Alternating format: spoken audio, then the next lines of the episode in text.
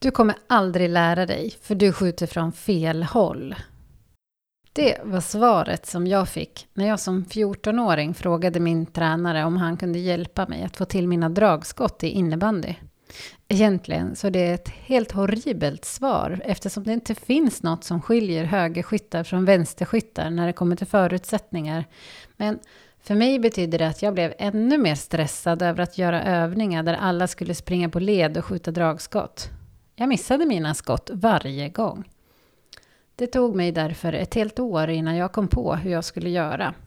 Den händelsen är en av en handfull som jag minns med lite olust.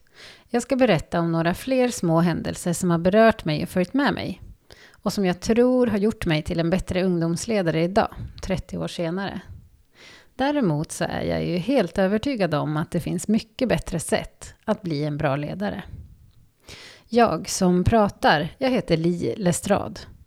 Jag jobbar på RF SISU och jag är en av de reportrar som sommarpratar om föreningsengagemang av olika slag utifrån våra egna perspektiv. Välkommen till podcasten. Här pågår föreningsidrott.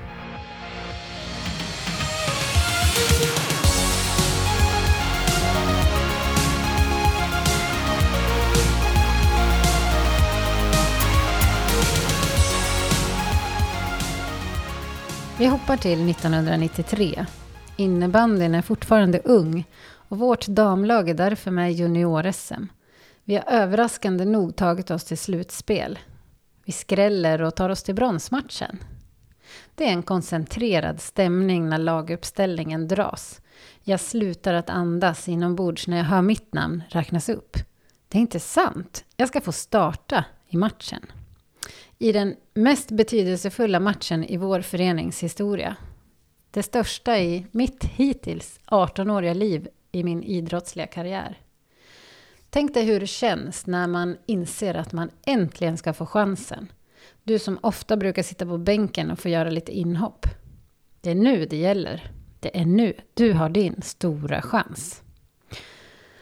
Matchen den eh, drar igång och jag är verkligen superladdad Förmodligen också lite övertaggad. Efter bara en minut satsar jag full fart framåt. En motståndare kommer från sidan och skickar på en riktig tryckare. Så jag far som en projektil rakt in i sargen. Motståndarlaget får utvisning och vi får möjlighet att spela i numerärt överläge. Jag är självklart ingen som spelar i fem mot fyra då, så jag kliver av. Och sen, sen kommer jag inte in mer på hela matchen. Fråga mig inte vad som hände. Varför jag blev utbytt redan efter mitt första byte. För jag vet inte. Jag fick aldrig någon förklaring. Men jag frågade inte heller.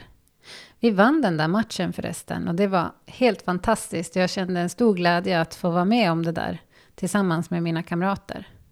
Men den där känslan över att bli utbytt redan efter första bytet och sen inte få veta varför, den skaver fortfarande. Jag tror att jag så här 30 år senare, ja men jag undrar nog mest varför fick jag ens möjlighet att starta överhuvudtaget? Samma lag men i seriespel. Jag fortsätter att nöta på bänken. Det är inte jättekul men jag vet ju att någon måste sitta där. Man är ett lag, från den som är stjärnan till den som kliver in när andra inte orkar eller blir skadade.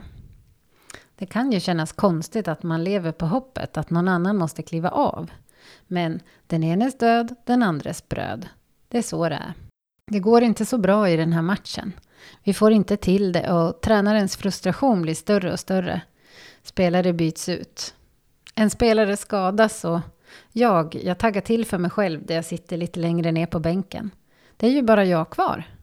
Tränaren, han reser sig, går runt i båset och ser sig omkring. Han ser över mig, men, men inte på mig. Och så utbrister han frustrerat. Jag har ingen att skicka in. Det var jag som var ingen.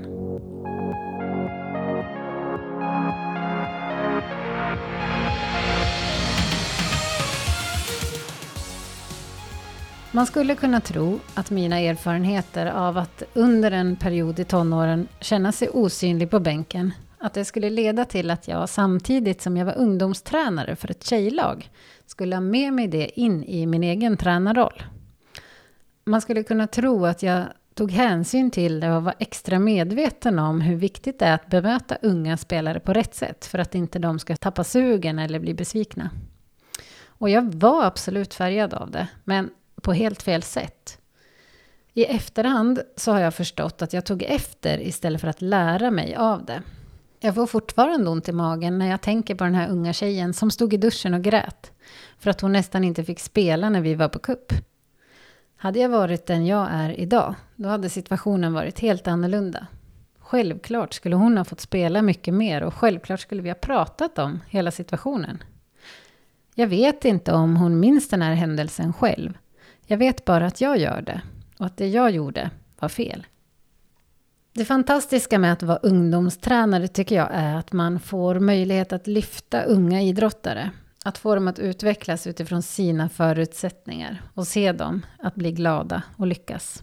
Det är svårt, men det är inte omöjligt att möta alla på den nivå som de är. Det är också svårt, men inte omöjligt att se alla och hinna prata med dem. Vi hoppar tillbaka till den där 14-åriga Li som inte kunde skjuta dragskott. Jag är helt övertygad om att hon hade inte behövt ett helt år för att lära sig. Snarare en träning eller två. Den 18-åriga Li, hon hade haft bättre förståelse för att inte få spela vissa matcher, om hon hade förstått varför. Och samtidigt fått veta vad hon kunnat jobba på för att bli bättre.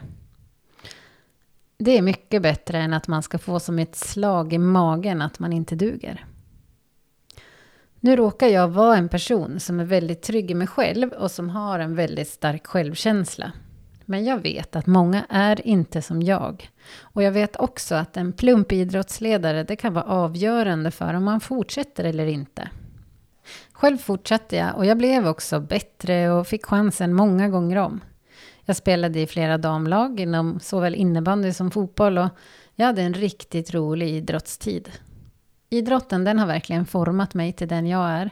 Och det är där jag har hittat många av mina vänner och det är där jag också har några av mina allra bästa minnen.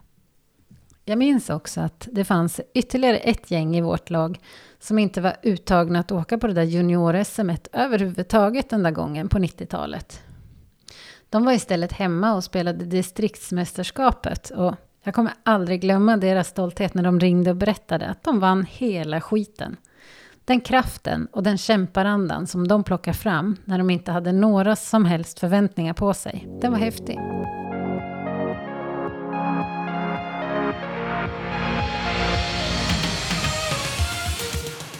Sedan årsskiftet har barnkonventionen gjort att barns rättigheter inom idrottslivet har stärkts. Idrottsledare behöver bland annat visa upp ett utdrag ur belastningsregistret så att direkt olämpliga sållas bort. Det blir också allt viktigare att ungdomsledare utbildas och det, det är jag väldigt glad för. Jag förstår varför föräldrar blir tränare och varför man är glad oavsett vem som står där. För en ledare, det är en bristvara och alla behövs.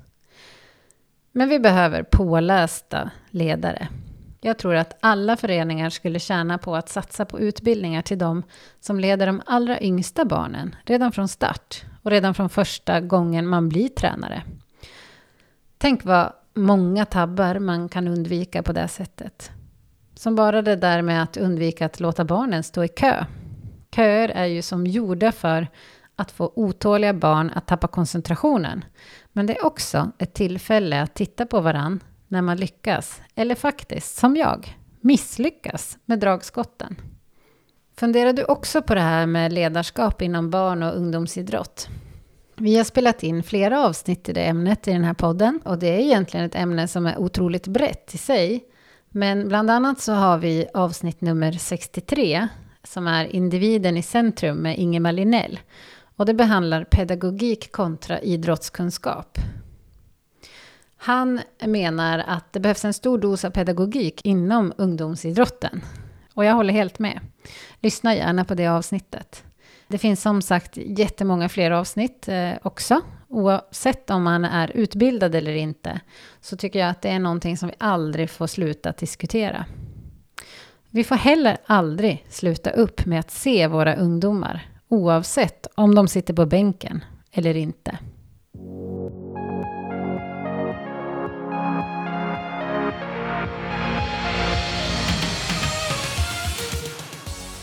Du har lyssnat på ett avsnitt av podcasten Här pågår föreningsidrott som görs av RF SISU. I sommar vill vi gärna hänga med dig i ditt idrottsliv, så se till att hashtagga idrottsliv när du publicerar inlägg som har med idrott att göra på sociala medier i sommar. Och det här gäller inte bara er som är aktiva, ni som idrottsföräldrar, ledare, åskådare, träningskompisar eller andra engagerade ska såklart också lägga ut. Hashtag idrottsliv alltså. Podden finns såklart också på sociala medier om ni nu inte redan visste det. Och vill ni ha tag på oss under sommaren så hittar ni oss på Instagram. Där heter kontot Här pågår föreningsidrott sammanslaget till ett ord. Se till att följa oss där också. Nästa vecka har det blivit min tur att berätta om mitt idrottsliv för er här i podden. Så se till att lyssna då. Fram till dess önskar vi en riktigt fin sommar.